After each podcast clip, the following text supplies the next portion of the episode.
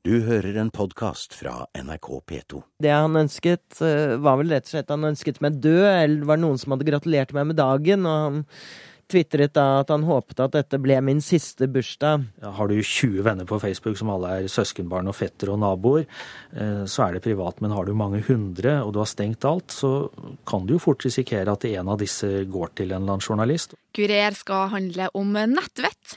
Om det å tenke seg om én gang ekstra før man tvitrer eller oppdaterer statusen sin. Så det er masse ikke du kan skrive, og det er masse du ikke bør skrive. Eh, Og så er det en del som gjør det også innimellom, og det straffer seg jo ofte. Da blir man jo førstesideoppslag. Kurer, P2s mediemagasin. Aktoratet, forsvarere og bistandsadvokater i terrorsaker ber om at meddommer Thomas Indrebø må fratre. Han har erkjent å komme med utsegn om at dødsstraff er det eneste rette. Meddommer Indrebø har på internett gitt uttrykk for at tiltalte bør straffes med døden. Indrebøs reaksjoner kom lenge før han ble trukket ut som meddommer. Hans uttalelser er imidlertid egnet til å svekke tilliten til om han vil vurdere skyldspørsmål og eventuell straffutmåling uhildet. Fra å ha hatt en nokså anonym plass på venstre kant på meddommerbenken, befant plutselig Thomas Indrebø seg midt i det ubarmhjertige søkelyset. En dag etter Anders Behring Breiviks angrep hadde han ytra seg i store ord på Facebook. Ei ytring som skulle slå hardt tilbake på han som offentlig person. Det som jeg på en måte kan si og beklage, er at eh, jeg, altså, jeg husker jo ikke det jeg ble skrevet den 23. juli. Eh, jeg har vært så åpen og ærlig som overhodet mulig overfor retten. Men når det her kom fram, så ble det nå sånn som eh, det ble. Vi ser det stadig vekk, mennesker i offentlige roller som får refs for sleivete bruk av Facebook og Twitter. Vi starter med å se på politikerne, som nok er den gruppa som får aller mest kjeft. For litt over et år siden var det varaordføreren i Aure som skapte overskrifta. Norge bør selge samer, isbjørner og moskuser, ikke at landet har åpne asylmottak. Det skrev Høyre-politiker på Facebook lørdag etter at Stella Mangi vant Grand Prix-finalen. I dag er varaordføreren taus. Dette er nytt, en ny måte å formidle seg på, en ny måte å kommunisere på. Så vi er litt ekstra på vakt, og så kan vi se om vi kan eh, ta noen i å gjøre en bommert. Hun som sier det her heter Tanja Storskyld og er professor i medievitenskap ved Universitetet i Oslo. Hun mener altså at journalistene har en tendens til å slå opp uvettige statusoppdateringer og tweets, fordi det er en av våre nyeste måter å formidle oss på. Jeg tror det er veldig fristende, fordi at uh, altså, i en TV-debatt f.eks. så ser du politikere diskutere med hverandre, og der kommer det jo sleivspark og bemerkninger frem og tilbake som vi ser i lys av den situasjonen de har oppstått i, og så er det en del av gamet, og sånn må det være. Uh, og så bruker man eh, sosiale medier og skriver på Facebook noe om en politisk motstander eller om en bestemt sak, som kanskje ligner veldig mye på det man ville sagt i en debatt. Men så blir, kan, er det veldig fristende å lage litt ekstra ståhei rundt det fordi at det står på Facebook. For det er litt nytt og litt skummelt og litt sånn eh, litt vågalt. Eh, Og da tror jeg nok noen ganger at det blir fristende å lage litt mer oppstyr om det enn det som man trenger å gjøre. Noe av det som gjør sosiale medier spesielt, det er jo at i den virkelige verden så sitter vi der, eller i den virkelige verden, i den eh, fysiske verden, så snakker vi til eh, vennene på skolen eller arbeidskameratene i en setting, og vi vet litt hvordan den samtalen foregår. Og så snakker vi med foreldrene eller de andre medspillerne i idrettslaget i en setting, og vet hvordan den samtalen foregår. Og vi vet når vi, hvis vi går på et politisk møte, så vet vi litt hva som foregår i den settinga. Da er vi liksom i forskjellige settinger, i forskjellige kontekster. På sosiale medier så smelter dette i hop. Noen snakker om at, at kontekstene kollapser. Hva betyr det? Det betyr nettopp det at vi har ikke separate arenaer for separate samtaler. De smøres litt sammen. Så hvis jeg skriver noen ting eh, på min eh, Skriver en ny statusoppdatering på min Facebook, så går den ut til veldig mye forskjellige folk som har forskjellige typer relasjoner til. Eh, Det stiller litt krav til å tenke over hva man er villig til å dele med alle disse forskjellige. Mm, tweets. Hei, det er tweeten. Og her er de nye gassledbussene kommet til Trondheim, og så er det bilde av en. da. Vakker, vet du. Grønn på gass. Etter hvert skal den gå på lakseavfall som biogass. Tore O. Sandvik er fylkesordfører i Sør-Trøndelag.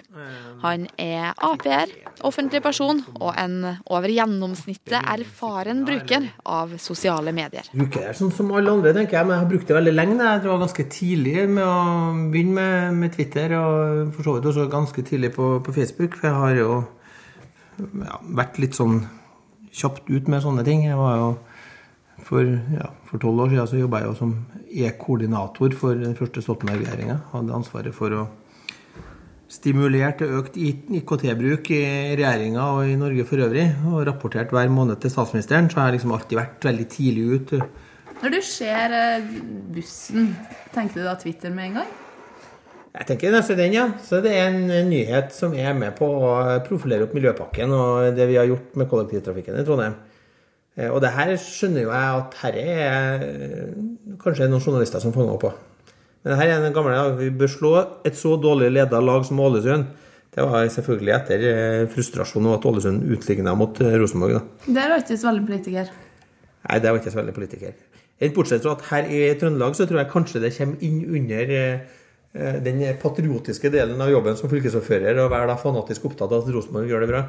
Fylkesordfører, familiefar eller fotballpatriot? Hvem ønsker egentlig Tore å være på Twitter og Facebook? Nei, Jeg er som privatperson. Altså det er det som jeg har definert. Jeg har ikke en off offentlig eller offisiell konto, så sånn sett er jeg privatperson. Men den privatpersonen har også en rolle som jeg må ivareta. Det må jeg gjøre i alle sammenhenger. Det må jeg gjøre eh, når jeg er ute eh, blant folk, og det må jeg gjøre når jeg er på sosiale medier.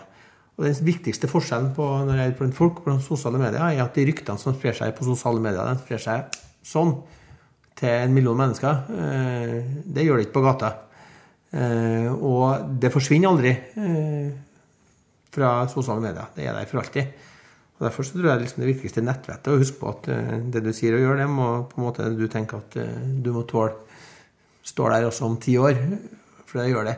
Varaordføreren, som vi hørte om for litt siden, er langt fra den eneste politikeren som har fått refs etter uvettig Facebook-bruk. Frp-lederen i Bamble ble i fjor permittert etter at han kritiserte Eskil Pedersen for å ha rømt fra Utøya på sosiale medier. Og KrF sin tidligere fylkesvaraordfører i Rogaland fikk kjeft etter å ha kritisert en sandvolleyballspiller for å gå på fylla.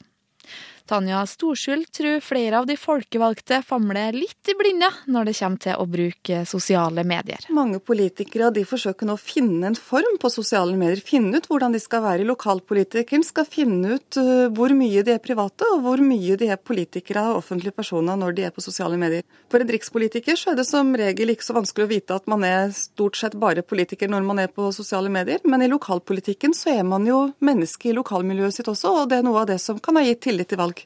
Så der er nok balansegangen kanskje enda vanskeligere. Eh, og det å finne de balansene er vanskelig for politi politikere. Sist hadde vi jo da Inga Marte Torkelsen som i denne saken hvor hun hadde prøvd å, å påvirke etterforskningen av en eh, barnevernssak, eh, eller barnefordelingssak, og hvor hun da eh, prøvde å forklare hvorfor hun hadde gjort det både på Twitter og Facebook, og dermed så kom hun i skade for å legge ut eh, taushetsbelagt informasjon om eh, dette barnet det gjaldt, og som hun siden måtte eh, fjerne. Det var en grov tabbe, mener jeg. Eh, andre som eh, politikere som har, har tråkket feil, er jo, er jo typisk lokalpolitikere som blir litt uh, joviale på Facebook og, og, kommer med litt grove vitser. Og vi har hatt tilfeller hvor det også har vært rasistiske vitser på Facebook, og hvor, uh, hvor uh, det har fått konsekvenser. Som politisk redaktør i Dagbladet følger Marie Simonsen det som skjer på Facebook og Twitter, nøye. Men hun følger det på ingen som helst måte utenifra. Med nesten 30 000 som abonnerer på hennes korte meldinger, er hun en del av det som gjerne blir kalt det norske twittokratiet. På Twitter eh, diskuterer jeg stort sett nyhetssaker. Eh, det hender jo også hvis jeg sitter i sofaen en fredag kveld at, eh, at, det er hyggelig å drive og tulle om det alle sitter og ser på TV, f.eks. Skavlan og sånn. Men, men, i hovedsak så er det jo debatter det går i ofte. Mediefolk slår det ofte stort opp når andre tabber seg ut på sosiale medier. Men hvor mye kan de egentlig ytre seg om sjøl? Det er, klart det er forskjell på meg. Jeg har litt friere tøyler enn en vanlig journalist. En vanlig journalist må jo passe seg for å mene for sterkt om områder som de selv dekker på reportasjeplass. Mens min oppgave er jo nettopp å mene. Hvilke føringer finnes for det for andre journalister som ikke er kommentatorer i Dagbladet? Hva kan de mene om på Facebook og Twitter? Vi har ikke noen andre regler enn at man må følge vanlig folkeskikk der som man gjør overalt ellers. Og, at, øh, og vi minner av og til folk på at øh, de skal være klar over at de er Dagbladet-journalister også på Twitter, eller kan bli oppfattet som det. Vi har ikke noen andre regler i Dagbladet, men Maria Simonsen har likevel noen anbefalinger til det hun mener er sunt nettvett. Ja, jeg syns at uh, man kanskje skal være forsiktig med å, å være for personlig, eller spre personlige opplysninger. Uh, man skal huske at ikke alle kjenner deg. Så du må være forsiktig. Hvis du har en sær form for humor, så kan det ofte bli misforstått og straffe seg. Uh, og så gjelder det også at man kanskje slår av tastaturet midt på natten. Kurer, P2s mediemagasin. Om litt skal vi få høre hvordan Marie Simonsen valgte å retweete framfor å politianmelde da hun ble ønska død på Twitter. Men vi fortsetter med å se på journalistenes bruk av sosiale medier. Nylig ble det oppslag i VG om TV 2-ansatte som hadde tvitra om fest og sex under et seminar om nettopp bruk av sosiale medier. Og VG sjøl fikk offentlig kritikk da deres journalister reklamerte for morgendagens avis, hvor man kunne se bilder fra Anders Behring Breiviks rekonstruksjoner på Utøya. Du har jo ikke noen redaksjonell kontroll på det du gjør privat. Sitter du i en nyhetsredaksjon og jobber med et eller annet, så tenker du deg om. Du skal ha en vaktsjef, en redaksjonssjef, det er andre som skal lese det, som skal godkjenne det, som skal se på det før du publiserer det. Her sitter du kanskje hjemme en fredag kveld og ser på et eller annet på TV eller leser et eller annet i en avis, og så blir du engasjert, og så skriver du, og så trykker du på enter-tasten, og så er du ute. I likhet med flere andre store mediehus har NRK laga et punkt i den såkalte Etikkhåndboka om hvordan deres ansatte skal bruke Twitter Twitter og Facebook. Lars Harald Alstadsæter leda dette arbeidet i NRK. Vi så jo da vi begynte å jobbe med revisjon av etikkhåndboka i 2009, at, at mange NRK-ansatte var på Facebook, en god del NRK-ansatte var på Twitter. Eh, og det var overtramp eller uttalelser og ytringer vi så at man kanskje burde ha latt være å komme med. Ja, hva er det klassiske eksempelet på slike overtramp? Det er jo at man eh, privat er engasjert eh, i et eller annet politisk spørsmål. Eh, og så blir man veldig engasjert når man melder seg inn i en gruppe på Facebook. Ja, er man eh, mot utbygging av det som ble kalt monstermaster i Hardanger, så er det jo greit for en journalist å være medlem av ei Facebook-gruppe for å følge med på hva som skjer. Men hvis du som NRK-medarbeider og jobber i NRK Hordaland eh, plutselig blir veldig aktiv og kommer veldig sterke uttalelser der, så burde du kanskje tenkt deg litt om. Kurer NRK-P2 i fjor skapte sterke reaksjoner da en FpU-leder kom med truende meldinger til Marie Simonsen på Twitter. En sen sommerkveld mottok hun en gratulasjon litt utenom det vanlige. Det han ønsket, eh, var vel rett og slett han ønsket meg død, eller var det noen som hadde gratulert meg med dagen, og han tvitret da at han håpet at dette ble min siste bursdag. Jeg trodde jo at det var, eh, at det var en uenighet mellom eh, Jeg er vel ikke kjent for å være FrPs største fan. Så jeg trodde at det rett og slett var, eh, handlet om innvandring eller disse spørsmålene som jeg ofte er i feide med det om. Men, eh, men, det viste seg at eh, det som hadde hissa han opp, var at jeg var litt kritisk til privatisering i, i eldreomsorgen.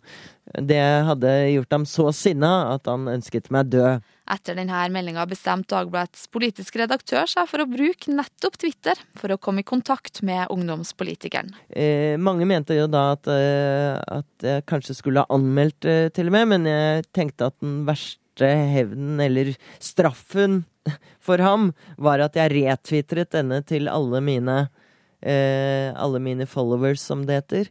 Og dermed fikk han jo utrolig mye kjeft. 30 000 stykker som fikk det med seg? Nettopp. Og som eh, kjeftet på ham. Og han eh, var så voksen at han ringte meg faktisk og ba om unnskyldning. Hvordan opplevde du å um, lese det her på Twitter? Nei, jeg, jeg, må innrømme at jeg er jo blitt litt uh, fartsblind eller hardhudet etter hvert. Jeg får mange sterke og rare reaksjoner. Og det som foregår på Twitter, blir jeg jo ikke så redd eller skremt av som, eh, som det som kommer inn i innboksen min, hvor ingen kan lese det. På Twitter er jo nettopp en offentlig arena hvor, hvor det da er mye en slags form for selvjustis også, ved at folk reagerer på det man tvitrer. Kurer fra Norsk Rikskringkasting. Ja, og der er det en del som er begeistra. Her f.eks. Miljøpakken. eh, De har retweeta den, ja. For det er jo, vi finansierer bl.a. gjennom Miljøpakken. Og her er det en som sier vakkert. Gleder meg til å se de live om en times tid. Oh, gleder meg til å teste. Dere er det i trafikk allerede i dag. Sånn. Vi er tilbake ved stuebordet til Tore O. Sandvik. En liten blå fugl og ei liste med portrettbilder lyser opp mot han fra iPaden.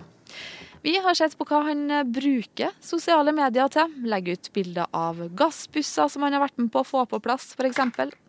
Men hva er det han ikke vil skrive om på Twitter og på Facebook? Nei, det er masse. Uh, altså Jeg kan jo skrive det, men det vil jo ramme meg. Det er jo det som er poenget. Uh, at hvis du uh, blir forferdelig emosjonell i saker, på en måte, så Jeg kan jo ikke selvfølgelig gjøre noe sånn med mitt profesjonelle liv. Jeg kan ikke kommentere ansatte. Jeg kan ikke ta opp personalsaker. Jeg kan ikke gå inn i saker som vi har som er taushetsbelagt.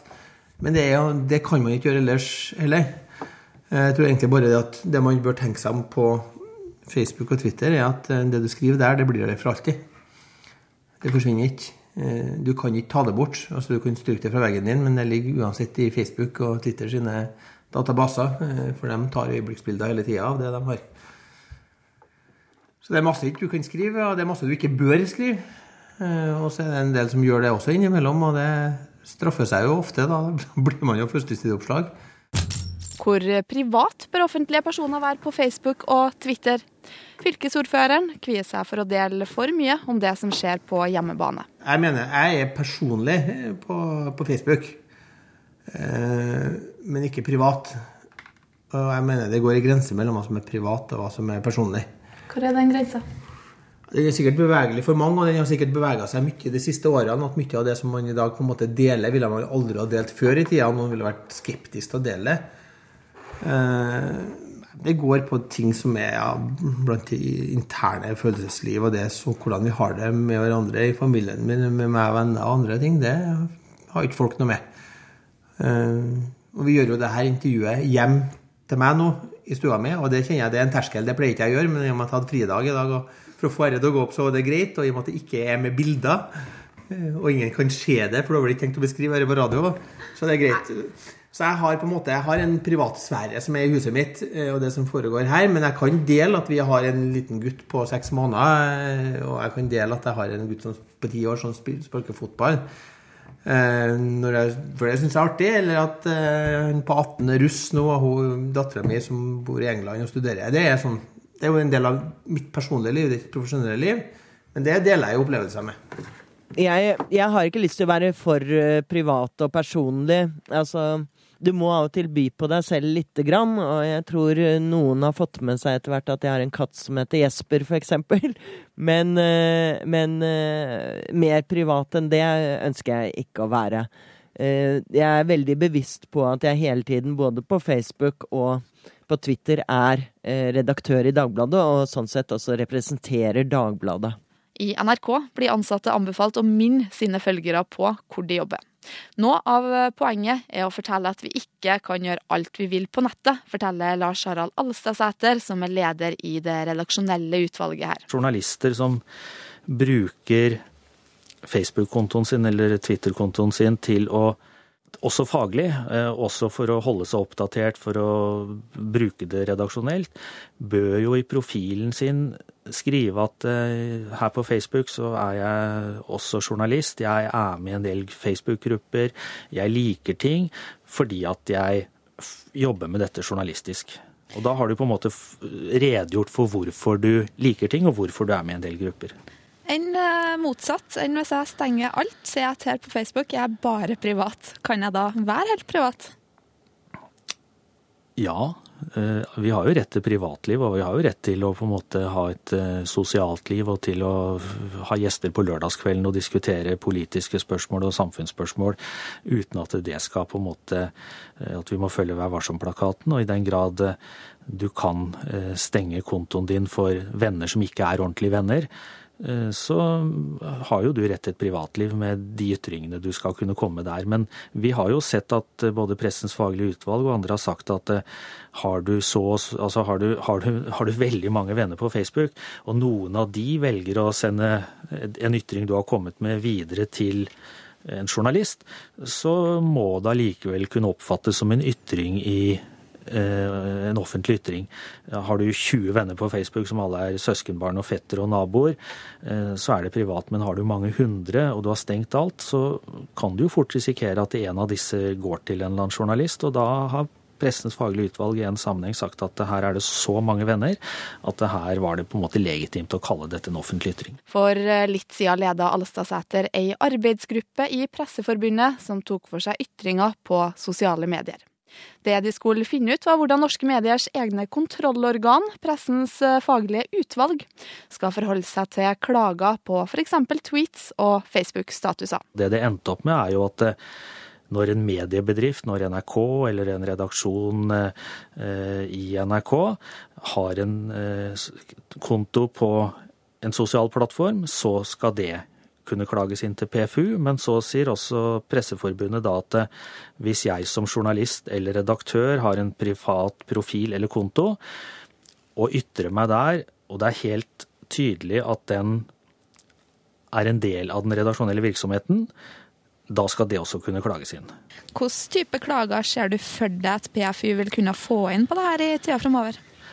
Jeg tror vel ikke at det kommer til å bli så mange klager på eh, journalisters integritet og ansvar, altså at man, eh, at man eh, ødelegger sin eh, Altså at man ytrer ting med egne meninger.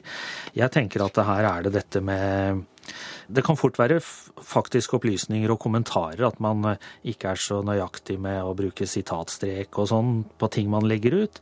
Eh, så er det jo dette med også kanskje spisse ting, altså gå lenger enn det som det er grunnlag for i saken. Fordi man har 140 tegn på Twitter, og så mister man noen nyanser, sånn at man bryter 4-4 i Hva var som-plakaten. Dette med å ta hensyn til hvordan eh, ytringer påvirker offer og pårørende, kan kanskje bli klaga inn. Eh, så kan det jo hende at eh, Men jeg tror ikke det er veldig sannsynlig, men det kan hende at en journalist er uenig med redaktøren sin at vi ikke skal identifisere en eh, mistenkt eller sikta eller tiltalt, og at journalister tenker at ja, men da gjør jeg det på Twitter-kontoen min.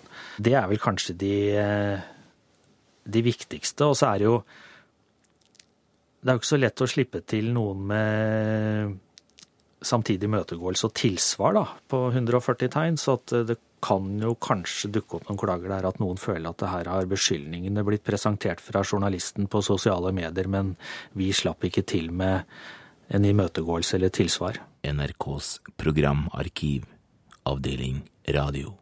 Til slutt i dagens Kurer skal vi over til kanalen P3 og programmet Verdens rikeste land.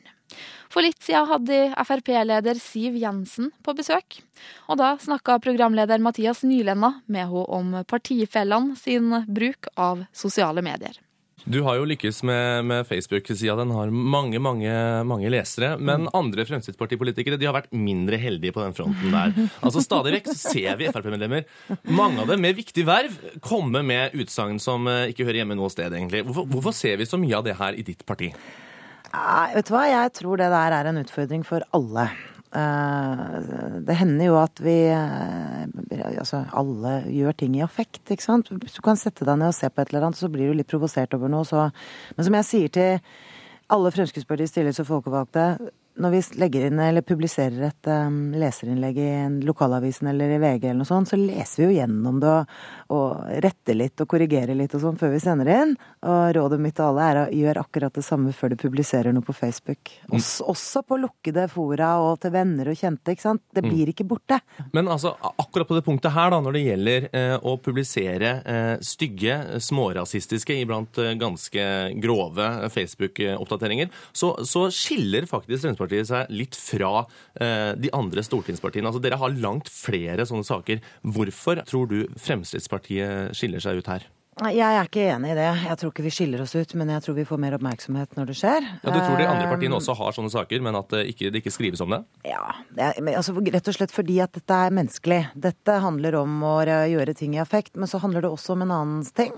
Nemlig at de blir av og til litt blåst opp. De får litt annen karakter. Det er jo sånn at eh, Tenk på deg selv, da. Det hender at du sier noe eller skriver noe som du, du mener helt annerledes enn det blir oppfattet av mottakeren. Eh, men da er det greit å korrigere det og beklage det og få det unna. Det syns jeg er en ærlig sak å gjøre. Det er affekt. Ja, jeg tror det. Jeg tror faktisk det. Fremskrittspartiet har ikke noe Altså, det der er ikke noe Frp-politiske greier, så det tror jeg vi bare kan legge rett bort. Mm. Men hvordan føler du det som, som leder da, å lede et parti å havne i, i situasjoner hvor, hvor eh, medlemmer skriver sånt? Jeg skal si deg, 99 av eh, tilværelsen som partileder er jeg usedvanlig stolt. Og så hender det at jeg av og til rødmer litt. Men eh, sånn må det være. Det tror jeg gjelder alle partiledere. Og det er, det er sånn det er å være en del av et demokrati. Vi er mange mennesker samlet. Eh, Vi er skrudd sammen litt forskjellig. Og den rausheten og romsligheten, den må man ha med seg. Du har hørt en podkast fra NRK P2.